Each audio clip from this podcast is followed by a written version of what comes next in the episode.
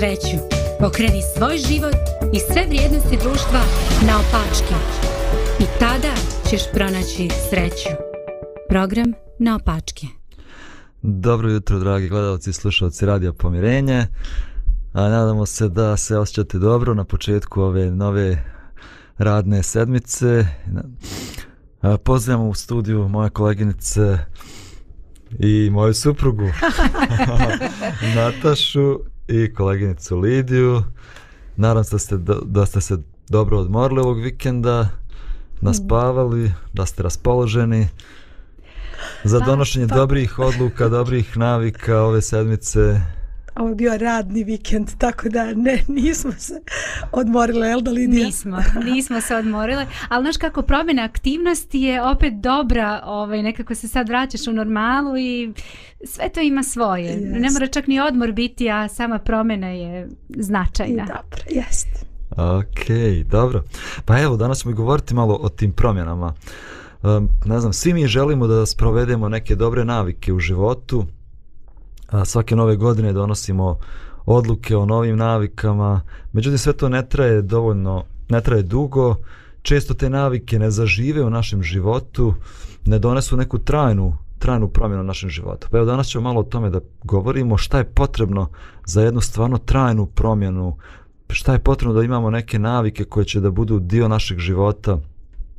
Pa evo reću vam na početku jedan primjer pa možemo njemu malo da pričamo. Uh, zamislite dve osobe koje žele da prestanu da puše i uh, jedna osoba dođe na svoje radno mjesto i neko je ponudi cigaretama i ona kaže uh, ne hvala ja upravo pokušavam da prestanem da pušim a druga osoba isto pokušava da prestane da puši i neko je ponudi cigarete ona kaže ne hvala ja ne pušim šta mislite koja osoba će imati više šanse da promijeni tu lošu naviku i da postane nepušač? I zbog čega? Ovo je zanimljivo. Ovaj. Da.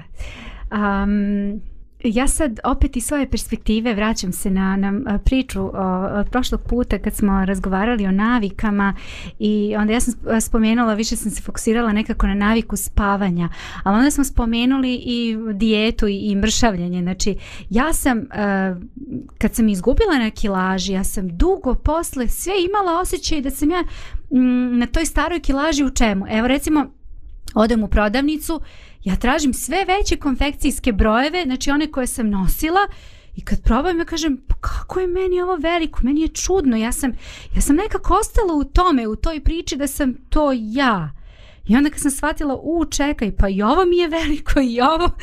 I onda sam se vratila na tu neku ovaj, e, kilaž, to je neki drugi ovaj broj koji sam sad realno nosila.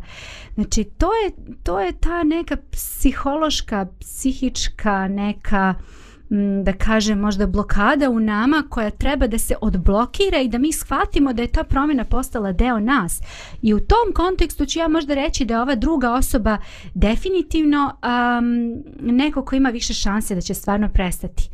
A, zato što ono pokušavam, hm, pokušavam znači možda i odustanem, ali ako čvrsto rešim, znači to je nešto što je moja odluka i to je to. Mada ne mora značiti, malo sam sad tu opet, nisam sigurna, ovaj, ali eto nekako naginjem ka tome. Ok, hvala ti, hvala ti Lidija. Da, pa defin, osoba koja, koja se nada ovaj, nije u stvari usvojila taj neki identitet nepušača. Znači osoba koja kaže ja sam prestala da pušim, to je sada neka no, moja nova realnost i ja je u potpunosti prihvatam. Um, živim u skladu sa tom realnošću i prosto um, to je sada na neki način moj novi identitet. Za razliku od osobe koja, kako si ti rekao, pokušavam da prestanem da, da. pušim. Znači to je, još uvijek nisam donela konačnu odluku nekako, čini se neodlučna osoba. Šta ona misli o sebi? Šta je ona još uvijek? Ona je u stvari još uvijek pušač. Ja sam pušač. Mm -hmm. Ja, ja pokušavam, znači e, pušenje, puše, pušenje je moj identitet, ali znači nisam usvojila taj ovo što ti govoriš Lidija neki novi taj svoj identitet nepušača. Mhm. Mm da, da, upravo tako. Znači uh, mi često ne možemo da prihvatimo neku novu naviku zato što se nije promijenio naš identitet. Ja sam pušač.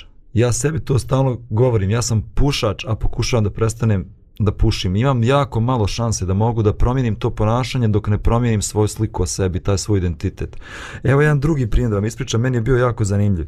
Jedan čovjek e, stalno gricko nokte. Od djetinjstva je počeo da gricka nokte, to mu je nekako, kad god je bila neka stres, nervoza, on je gricko nokte. I ostalo mu je to u životu i on je već ima 40 godina, još uvijek gricka nokte. I nije znao kako da promijeni to ponašanje pokušavao je, nije mogo da, da prestane da gricka nokte, jer nesvjesno, to je nesvjesno bilo. I onda je rekao svojoj ženi, ajde odvedi me kod ovog, eh, kako se zove ovi ljudi koji Manikir. održavaju... Kozmetičar. Kozmetičar. Da uradi manikir, jel? Da uradi nokte. Mm -hmm. Kao, evo, nikad u životu to nije radio, ali mm -hmm. rekao, odvedi me tamo da uradi nokte. Pomislio, ako ja budem plaćao da mi neko održava nokte, sigurno ću prestati da grickam nokte. I šta se dogodilo? dogodilo se stvarno da je on presto gritska nokta, ali kako? Kad je pedikir taj njemu...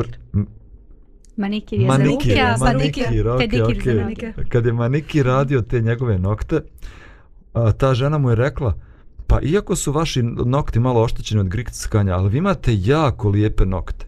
I kad je ona njemu uradila nokte, ona je opet rekla, pa vi imate tako dobre i lijepe nokte. I on je prosto postao ponosan na te svoje nokte i nikada više nije grickao nokte. Zato što se promijenila slika, slika o sebi mm, i on je mm, postao ponosan na neki svoj dio života i jednostavno više nikada nije čuvao taj svoj identitet. Mm. Pa jeste, to je jako, jako važno. Znači, meni je neko rekao davno da imam jako uh, dobre i zdrave zube. I moram reći Aha. da sam ja... Um, fanatik kada su zubi u pitanju, znači kada je u pitanju pranje zuba, kada je u pitanju flosanje, znači ja, ja ne idem na spavanje ako nisam koristila konac za zube.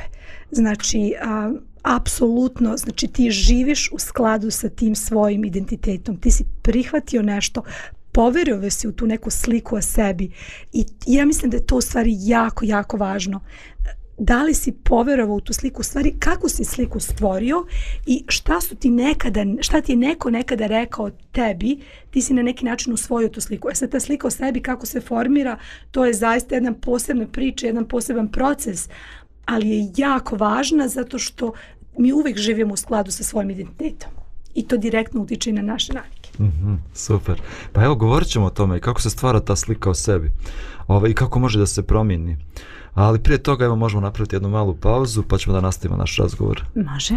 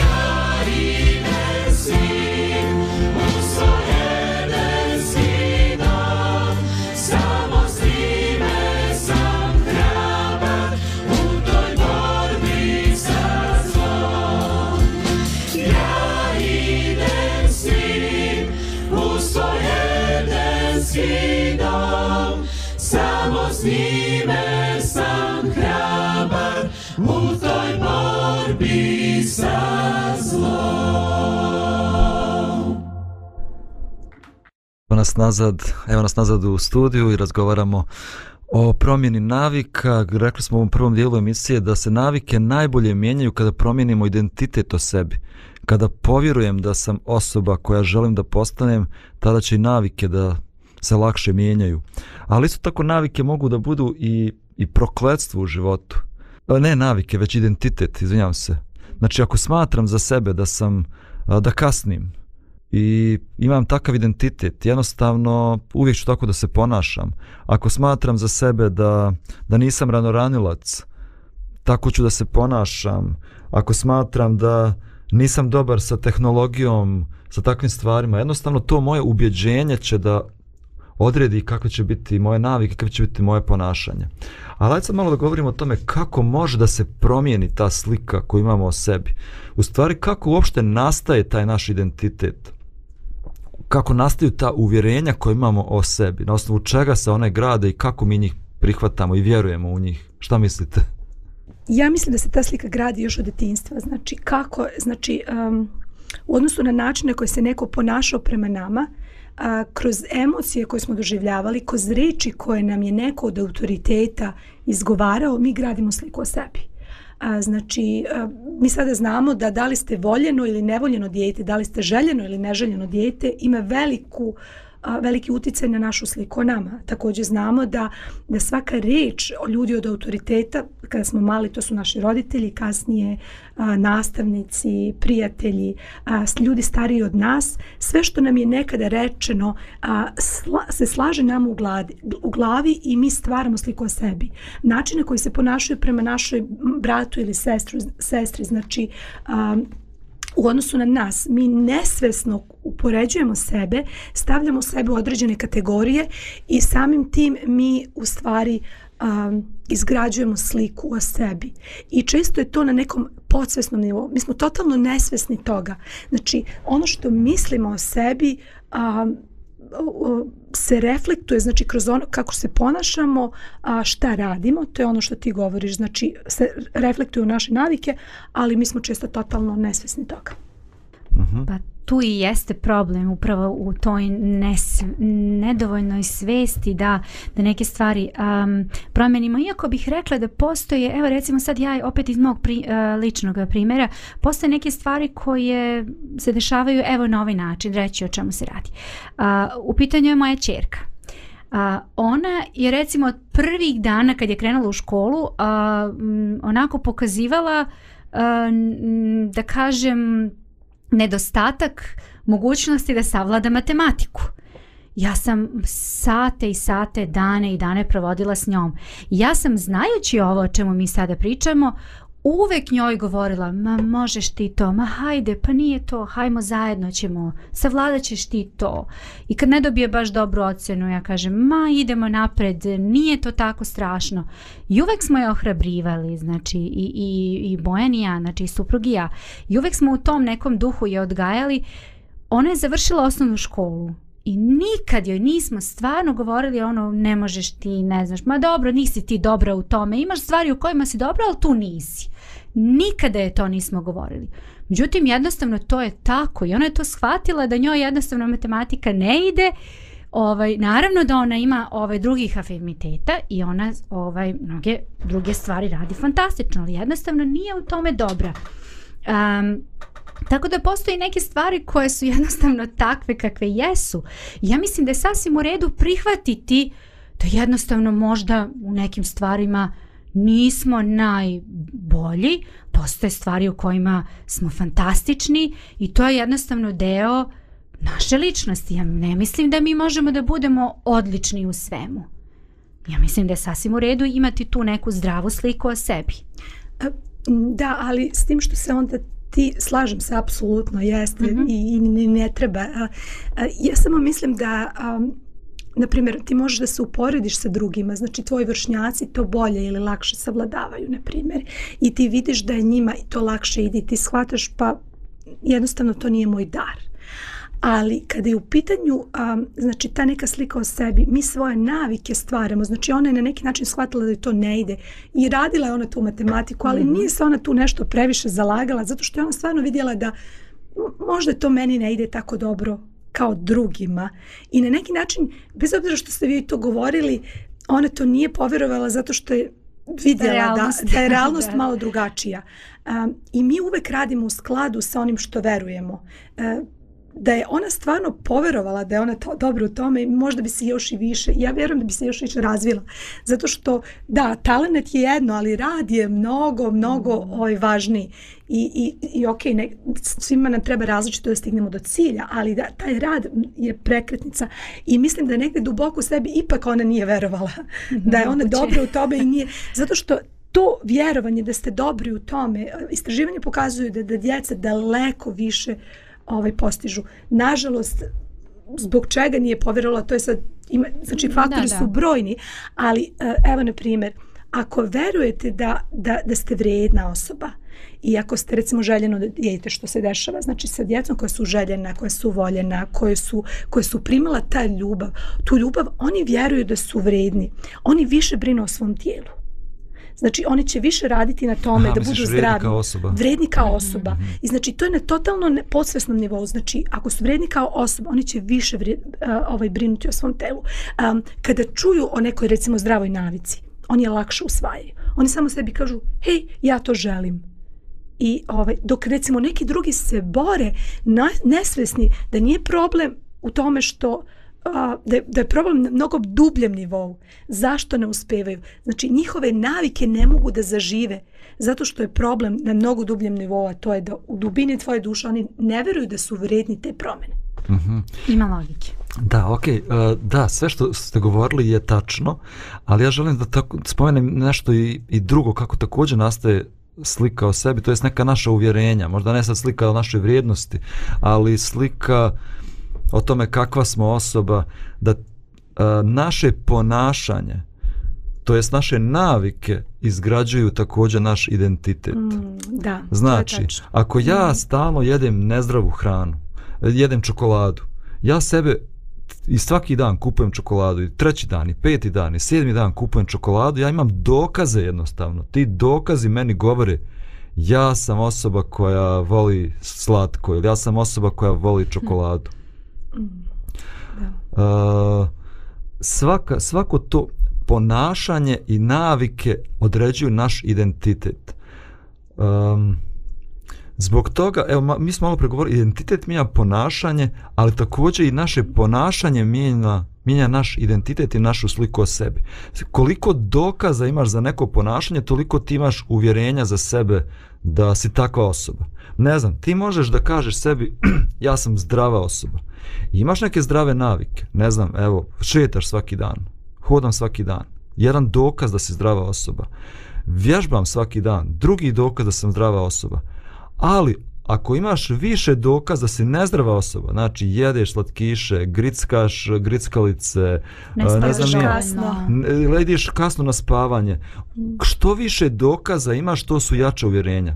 Znači ako imaš pet dokaza da si nezdrava osoba i tri dokaza da si zdrava osoba, ti ćeš da vjeruješ da si nezdrava osoba. Nećeš imati sliku o sebi da si ti zdrava osoba, osoba koja vodi brigu o svom zdravlju. E, postoji tu još jedan faktor, okay. ovaj, a, a, apsolutno ovaj, podržavam, ali samo dodajem i ovo. Uh, Zanimljiva mi je bila recimo kad sam razgovarala sa prijateljicom koja je inače a, e, psiholog a, e, po struci i onda smo razgovarale tako nekim navikama životnim i ona je mene tako kroz priču, kroz razgovor ja sam tako spominjala neke stvari o, ovaj, o, o, svoje neke navike i tako i ona mene pita a kako tvoja mama gleda na to? Pa opet, a kako tvoja mama gleda na to nešto drugo? Pa na to treće. Ja sam shvatila da je nevjerovatno koliko mi usvajamo navike svojih roditelja, a da tog jednostavno uopšte nismo svesni. Znači ja o tome nisam uopšte razmišljala na taj način. Ja sam jednostavno mislila da to je nešto što sam ja usvojila i smatram da je to da tako je to tvoje. Ispred, da to moje. da. Kad sam se ono okrenula, znaš, kroz priču, shvatila sam u stvari da sam dosta toga pokupila možda više od mame, jer mama je nekako mm. bila prisutnija u kući i tako, i puno toga sam stvarno usvojila kao svoju naviku, a u stvari je to navika naših roditelja. Opet odgovornost je na nama roditeljima da imamo dobre i zdrave navike, da učimo mm. decu dobrim stvarima svojim ličnim primjerom, jer to se onda prenosi na njih. Mm. Sad si me podsjetila, znam a, da hoćeš da... Slobodno, slobodno. Sad postala sam na jednu ovu, ovaj, a, ženu za koju ja smatram da je jako, jako uredna i uvijek mi se žala na svoju čerku koja nikako da, da, da to prihvati i znači i neuredna i uopšte nije na nju, a žena je ekstremno uredna, znači sve je uvijek na svom mestu i ovaj, jednog dana mi je došli, kaže, zamisli, moja čerka je došla kod mene, bile, kaže, u komšiluku i videla je kod njih je sav haos i prljavo i došla i rekla, zamisli mama kako je kod njih prljavo i neuredno i onda je Ove, ovaj, ja sam rekla, evo vidiš, ime nade, vidjet ćeš da će ona biti ista ti, samo kada pa, malo porasti, još uvijek i dijete. Da, mi definitivno mi učimo kao djeca ponašanje od naših roditelja. Ali mi imamo uvjerenje da smo mi takve osobe ne zato što su naši roditelji se tako ponašali, već zato što imamo dokaze u svom životu mm. da smo mi mm. takve osobe. Mi to ponašanje, vidimo kod sebe, jeste. jeste. To ponašanje nas uvjeri da smo mi također takva osoba kao mm. što su bili naši roditelji. Mm. Uh, ja sam recimo prihvatila da ja nikada ne mogu da krenem na vreme u vreme kad kažem da ću krenuti na put. I jednostavno ja sad živim sa tim identitet, identitet, identitetom i kada neko ide sa nama u tom ja mu već kažem slušaj, ali da znaš, dođu u deset, ali da znaš, budi fleksibilan. Jer verovatno ćemo malo zakasniti. Uh, da, zato što već živim sa tim identitetom da neću baš krenuti tačno u deset. Da, u stvari, naš identitet nas često sabotira u donošenju dobrih odluka, isprovođenju dobrih odluka u životu, jer ona ti govore, ne, ti mm. ne možeš to, jer ti si takva osoba. Imam dokaz, Imam znači dokaz. sto puta sam zakasnila, znači, znači da je to to. Da, mm. A, čitao sam, evo i preporučujem stvarno i svim našim gledalcima, iz, e, razlog zašto i razgovaram o ovim temama, što čitam knjigu Atomske navike, knjiga je stvarno fantastična, pisac James Clear, i on govori o jednoj ženi, prije njegove prijateljice koja je smršala 45 kilograma. A znate kako je smršla 45 kg? Tako što je rekla za tajna. sebe, evo ona da. je rekla za sebe, Dako, daj, ja, sam, ja sam zdrava osoba. I mm. onda svaki dan je razmišljala šta bi zdrava osoba uradila. Da li bi zdrava osoba uzela taksi ili bi išla pješke? Da li bi zdrava mm. osoba išla liftom ili bi išla stepenicama? Mm da li bi zdrava osoba jela, da. ne znam, čips ili bi jela uh, kuvani krampir. Jabuku. Ova, I sa takvim razmišljanjem svakog dana šta bi zdrava osoba radila, ona je smršala 45 kg. Njen identitet se promijenio i samim tim promijenilo se njeno ponašanje. Mm. Bože, Aha. evo sad kad smo kod toga, sad sam se setila prošle emisije kad smo razgovarali i kad si to isto spomenuo gde je bilo, ne znam kako smo došli do toga, ali ovaj, ja sam istakla da, je, da ja mislim da nije loše imati cilj, ono imam cilj da smršam, ali dobro, ali cilj je zdravlje.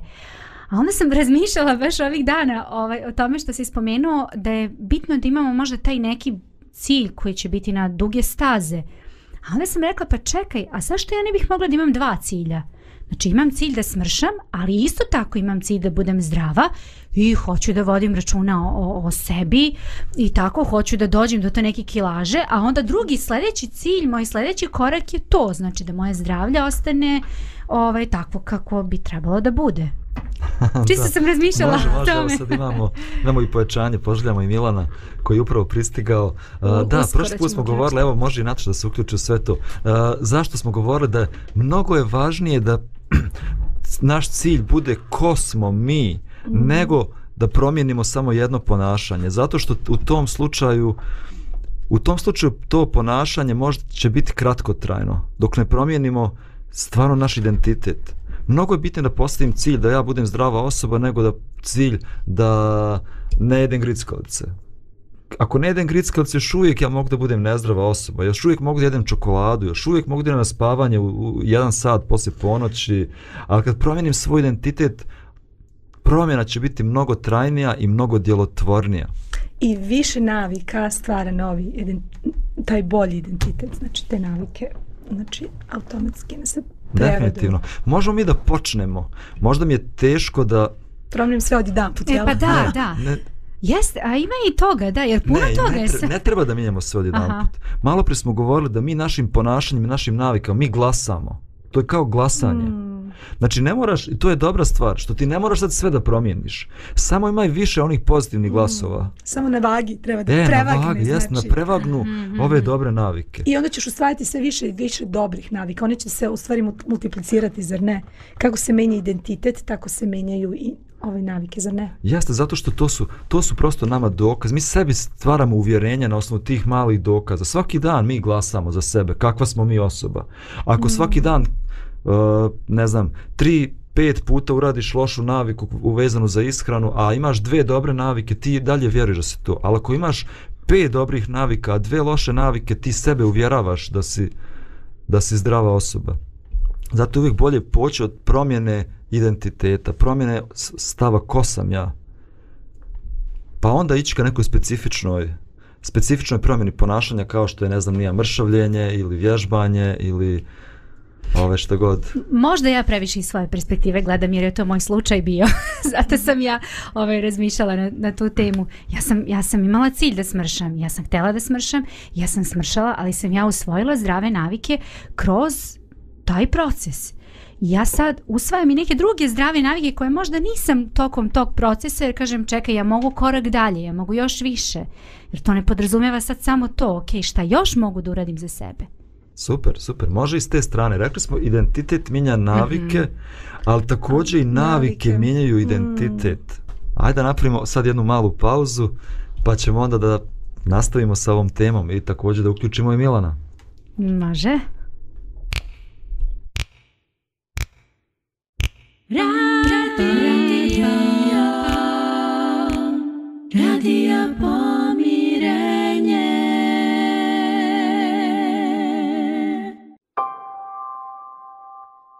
Evo me Jednom još Tu kraj tebe blizu Da čuješ ja znam svaku riječ moje molitve Bez obzira koliko daleko sam Ti si vjera i uvijek Riječima istine nadu mi daš osjećam Dodir tvoj koliko te volim Ti najbolje znaš i na tvojim rukama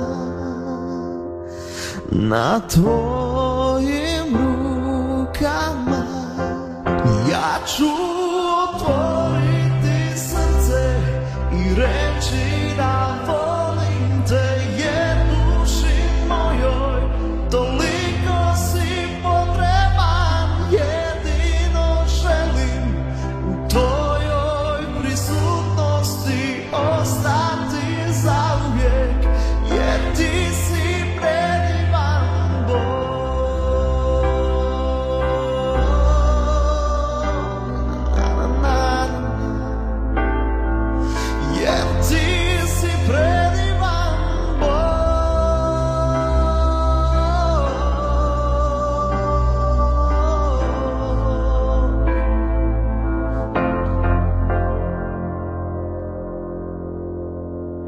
Evo me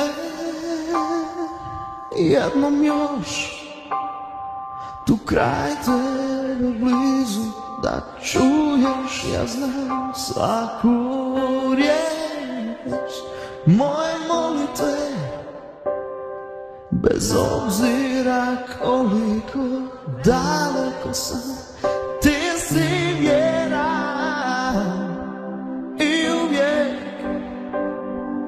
Riječima istine Narod mi jaš osjeća Dodir tvoj Koliko mi značiš Ti najbolje znaš I na tvojim rukama Na tvojim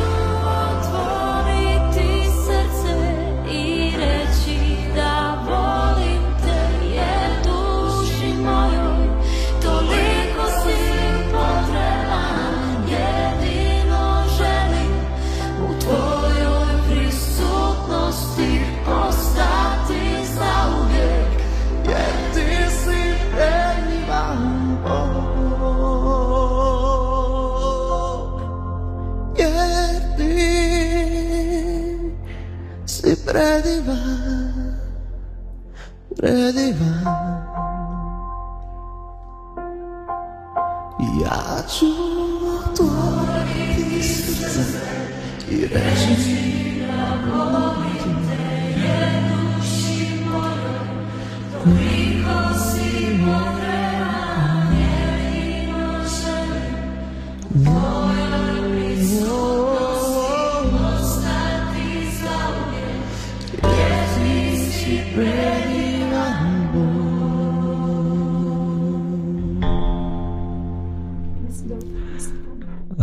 imali smo jednu lijepu duhovnu pjesmu u ovom intermecu, u ovoj pauzi između naše priče o navikama i promjeni.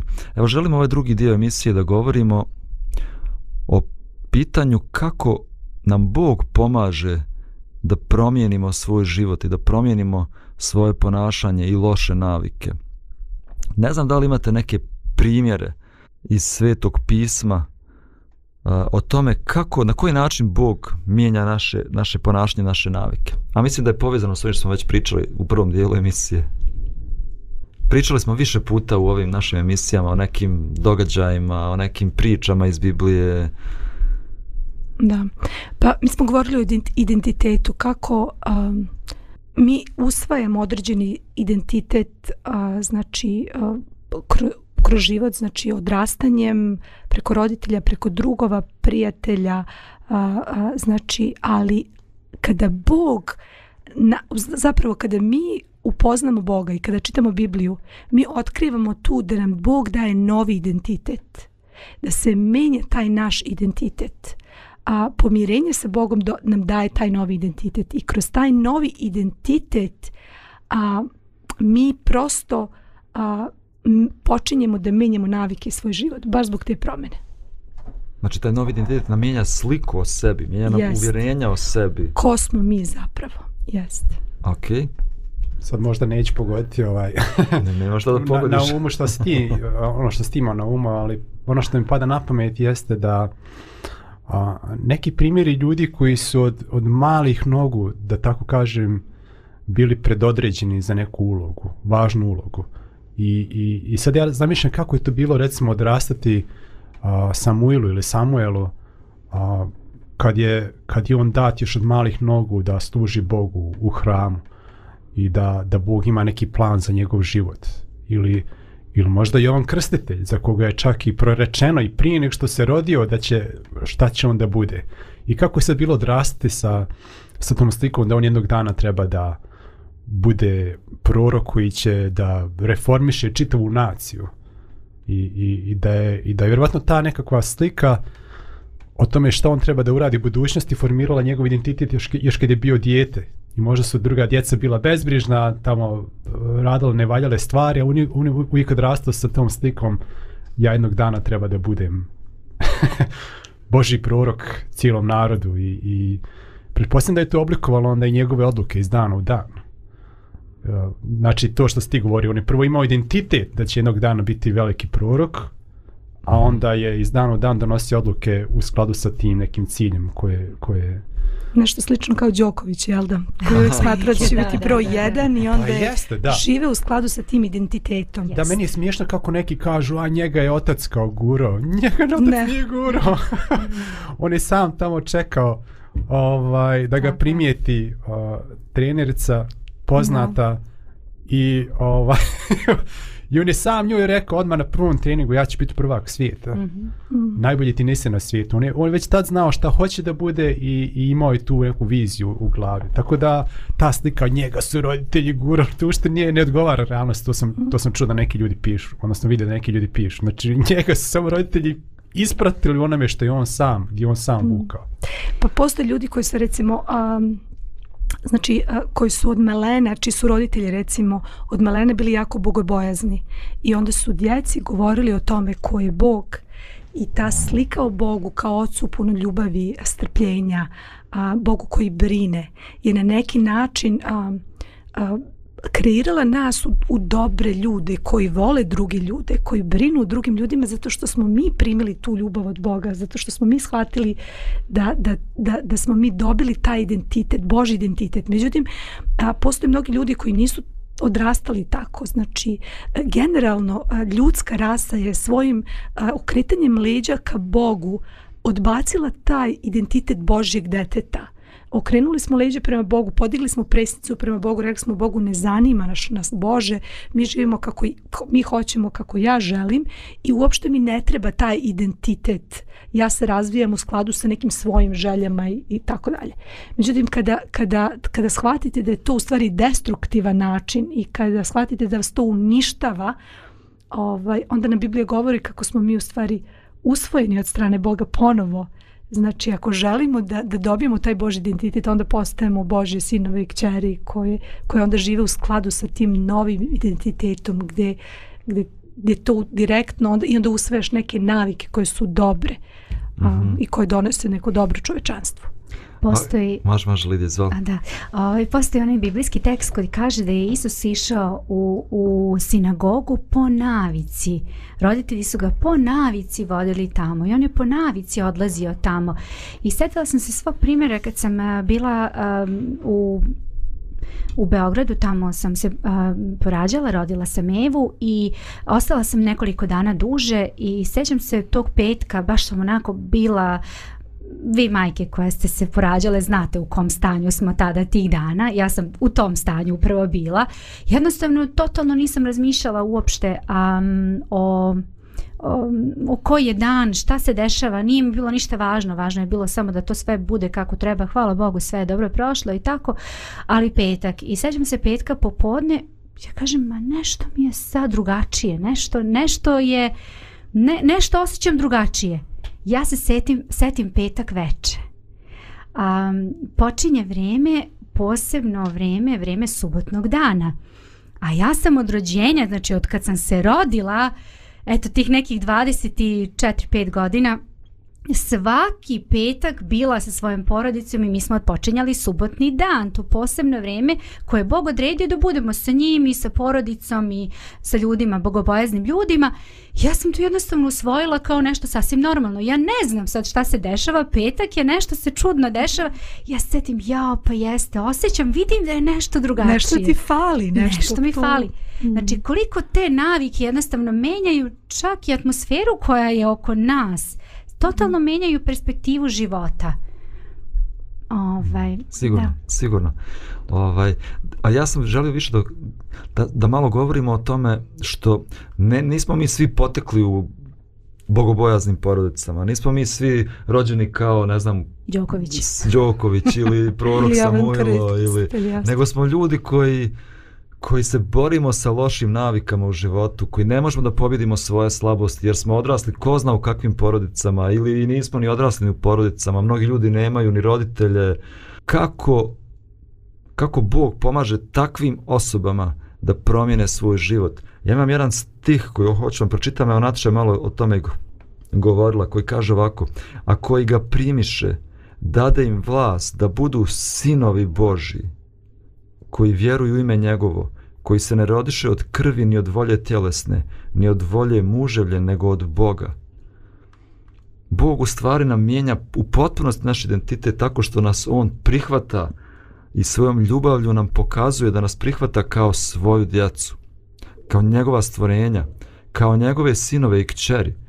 I, I ne znam, za mene je to stvarno najveća moguća motivacija za promjenu identiteta. Kad shvatim da me Bog voli i prihvata ovako kakav ja jesam i da sam ja Božje dijete, da sam ja princ ili princeza, pa onda, onda želim prosto da se tako ponašam.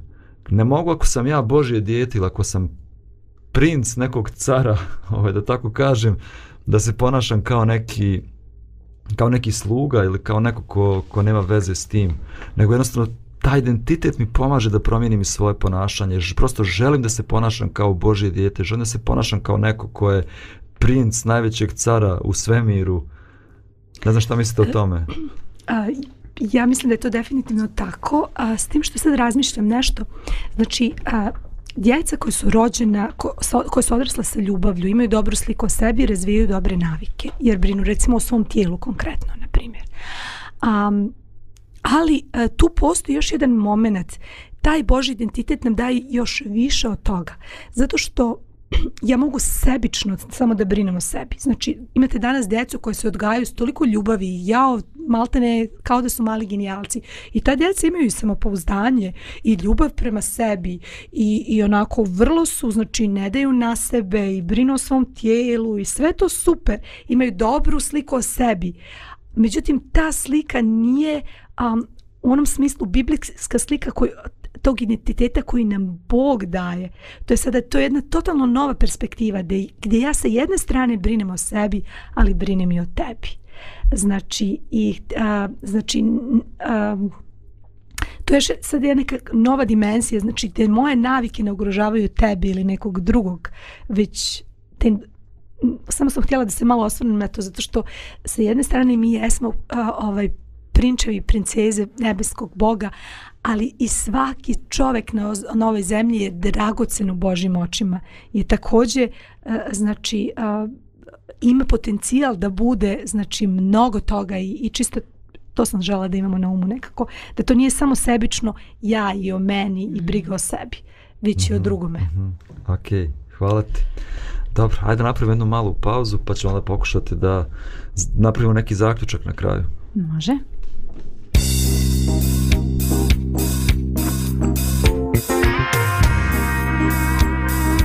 Radio Pomirenje. Pomirenje.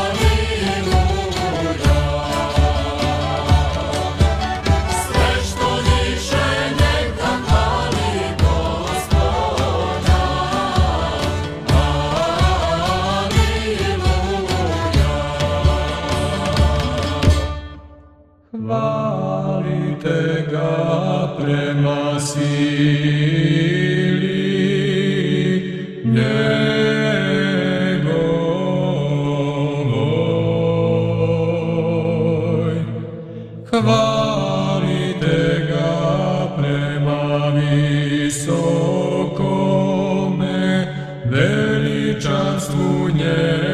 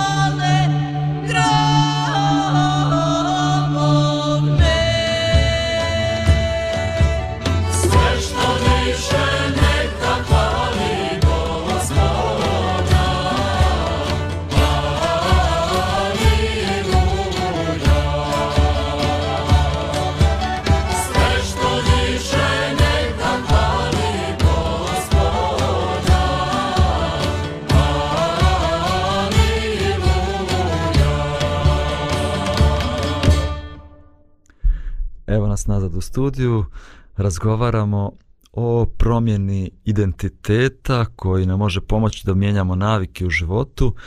Pa evo, na kraju ove emisije ćemo da malo još produbimo temu koju smo započeli u prethodnom segmentu emisije. Evo, želim da vam ispričam dva događaja iz Biblije, pa ćemo o tome da, da malo razgovaramo. Izraelski narod je bio u ropstvu. 400 godina su bili u ropstvu, imali su identitet robova, zbog dugih godina tog grobovanja i života rob, robstva. I onda čitam u Bibliji kako ih Bog o, oslobađa od toga. Oslobađa ih robstva na jedan čudnovatan način, pokazuje svoju silu u Egiptu, deset čuda koja čini i izraelski narod izlazi iz Egipta i onda nakon toga, kad su tek izašli iz Egipta, Bog im daje svoj zakon koji treba da uredi njihovo ponašanje.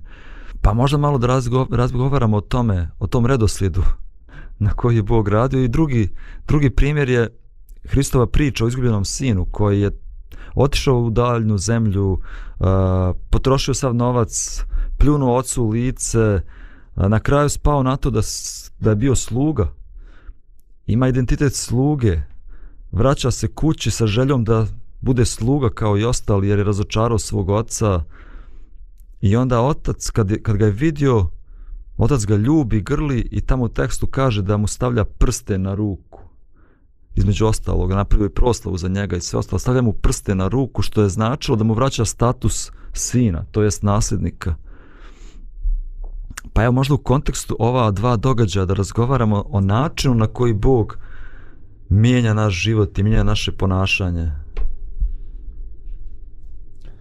Pa mislim da je to velika istina, da. I, i dok si tu govorio, evo pa mi je primjer možda za ljude koji, koji nisu eksperti u Bibliji, ali jedan je iz jednog filma, ako se sjećaš Božo filma, uh, Trading Places, ne znam kako je kod nas preveden, sa Eddie Murphyem i Dan Aykroyd, Aykroyd, Aykroyd, Aykroydom. Kada oni zamijene mjesta, Eddie Murphy je neki kao beskućnik, siromah, a ovaj Dan glumi nekog bogataškog sina, njemu su roditelji, uh, tamo na Wall Street, oni bogataši, truli i sve imaju tako ponašanje, ono, kao neko, kao neko kraljevsko, tako, znaš, i onda, onda se, ovaj, e, taj otac tog bogatog sina i još neki njegov brat ili tako nešto, on se klade, imaju neku opkladu, I, i, oni, i oni naprave da zamine mjesta. Da, oni su htjeli da vide ako postave nekog čovjeka koji je nema nikakvo obrazovanje, koji je siromašan i tako nekog, možda čak i e, lopova, ne znam, nije stavio na mjesto o, njegovog sina, da li će taj moći da uradi sve iste stvari kao i, i ovaj sin koji je odrastao u tom društvu, koji je vaspitavan, išao u visoke škole i tako dalje. I oni naprave tako da... Uh, da ovaj bogataški sin završi u zatvor zbog neke lažne optužbe, a ovaj Eddie Murphy, odnosno njegov lik, on njega prime kao da je član porice, a on onako neki beskućnik tamo krade neke stvari. Međutim, ta uh, promjena identiteta da je on sad kao član te porodice, da je on uvaženi tamo, uh, da njemu se dali neku poziciju i dali mu neke titule, uh, ono, vidi se jednom promjenu u njegovom ponašanju, sad se on ponaša kao nekakav aristokrata, onako ima te manire, onako suzdržan, jel? I, i tačno se vidi kako se, kako je, kako je to dovelo da promjeni njegovom ponašanju, Nje, znači njegov stav o njemu samome je dovoljio da promjeni u njegovom ponašanju, te se on sad počeo ponašati identično kao si na početku sad, tako ono, ne znam, nekakvim stavom, pomalo nadmenim, jel tako, aristokratskim, ovaj, uh, A, i, onda, I onda mi to ovaj, podsjetilo na to što si htio da kažeš. Da, da onog trenutka kad je kad mi prihvatimo da smo nešto drugo, ne ono što smo bili, da to automatski mijenja naš način razmišljanja, mijenja odluke koje donosimo a, i, i jer mi više nismo ono što smo bili. Isto tako, znači, više nisam rob, više ne moram da tamo crnčim za neke Egipćane tamo, ja sam sa slobodan čovjek, dobro, šta ću sad da radim sa tom slobodnom, gdje, kako će odluke da donosim. Prije sam samo trebao da slušam, ali mi kaže ovo ja to uradim, ali tako, a sad ja sam slobodan čovjek, prema kojim sad pravilima da se vodim i onda Bog daje, e ovim. Mm -hmm. Super, super, sjećam se tog filma, jako je zanimljiv. Na kraju se oni izgubili opkladu. Uh, Stvari oni su se udružili, oni, ova dvojica su da, se udružila aha, da, jeste, jeste, jeste, da na kraju... Da, jedan da od njih, da, dobio opkladu ovaj koji je rekao da je, da je potpuno svejedno. Možemo naći nekog beskućnika s ulici, on će nakon nekog mm. vremena rati isto što i ovaj. Ali zanimljivo je što je opklada bila u jedan dolar. da, oni su uništili živote ljudima. Oni su uništili njima živote, ono, ovaj jadnik bio u zatvoru, poludio sav, a oni ne. Mhm. sve su to radili zbog jednog dolara. Ta njima bilo eto malo Aha. igrarija. Kao igra, kao igra. Ali zanimljivo znači da, da a, ovi, ovo je fantastična ta priča o, o, o tom izgubljenom sinu koji um, i zanimljivo je to znači on je bio na određenom položaju izgubio je taj položaj usvojio je novi identitet i otac u ovom koji u stvari predstavlja Boga mu vraća taj identitet sina besplatno znači bez, bez ikakve kritike bez, otac ga prihvata bez ikakve a, znači suzdržanosti i, i daje mu ponovno mu vraća taj identitet i da li će onda taj sin ići i, i opet tamo jesti što i svinje jedu ili da li će se ponašati. Znači, te navike sada, on sada živi u skladu sa tim identitetom, on stvara nove navike i te navike u stvari još više učvršćuju taj identitet. Šta bi bilo? Um, imamo i drugačije situacije. Znači, kada čovjek ima, Isus je ispričao priču o čovjeku kome je mnogo oprošteno, i on je dobio identitet slobodnog čoveka zato što mu je dug oprošten. Znači, jedan čovek je mnogo dugovao jednom gospodaru i, i pozajemljivao, pozajemljivao i gospodar mu oprosti taj dug iako je on zbog toga trebao da ode u zatvor i otplaćuje do kraja života. I kada je dobio taj identitet slobodnog čoveka, šta je uradio sa time? Sreo je jednog dužnika koji je mnogo manje dugovao, uhvatio ga za vrat, Isus kaže u toj priči i rekao, bacit ću te u tamnicu dogod i baci ga u tamnicu za neku malo mizernu svotu. Znači nije usvojio navike osobe koju je u stvari, koja ga je oslobodila. Nije živeo u skladu sa tim novim identitetom, zato što kada stekneš taj novi identitet, usveš dobre navike koji te učvršćuju u tom identitetu. I on to nije uradio, već je na neki način uh, te nove, nove nastane, nije znači usvojio taj identitet na, na pravi način. Mislim da nije uopšte ni imao, ni, ni prihvatio identitet. Taj. Možda i nije prihvatio. Da, on, je, on je da... samo oslobodio se kazne. Aha, da. I rekao, ja super, neću dobiti kaznu koju sam mislio i ostaću ovakav kakav sam uvijek i bio. Može, može tako da se razume, da. Nije to, iako nije... mu je ponuđeno, iako mu je ponuđeno. Da, Ok, ne znam šta vi ostali. Nad što ja diskutujemo. Zanimljivo je slušati vas. da. Dobro, ima i druga priča gdje je ovaj, isto o jednom dužniku. Stvarno nije bio dužnik, onaj um, sluga koji je, koji je potkradao svog gospodara. I onda, sad možda skrećemo s teme, ali je zanimljivo sad kad razmišljate u tom pogledu. Znači, on je, on je bio na nekom uh, položaju mm. gdje je možda bio glavni na imanju svog gospodara i gospodar je čuo da on nešto da je neki da je malo pronevjerio neki novac da nešto nije radio pošteno i onda zanimljivo je ta njegova misao kad je on to čuo on je rekao otprilike ovaj niti sam jak da da radim ovaj a ni, niti mogu da kradem znači on je on je zadržao svoj identitet kao nekog sluge na visokom položaju I on sebe nije vidio da on može sad tamo nešto da fizikališe, radi, da bi preživio. A opet nije ni nekakav lopov da sad krade. I onda on se sjetio kako može da zadrži svoj životni stil i svoj identitet, da ga ljudi primaju poslije, čak i kad izgubi svoju poziciju.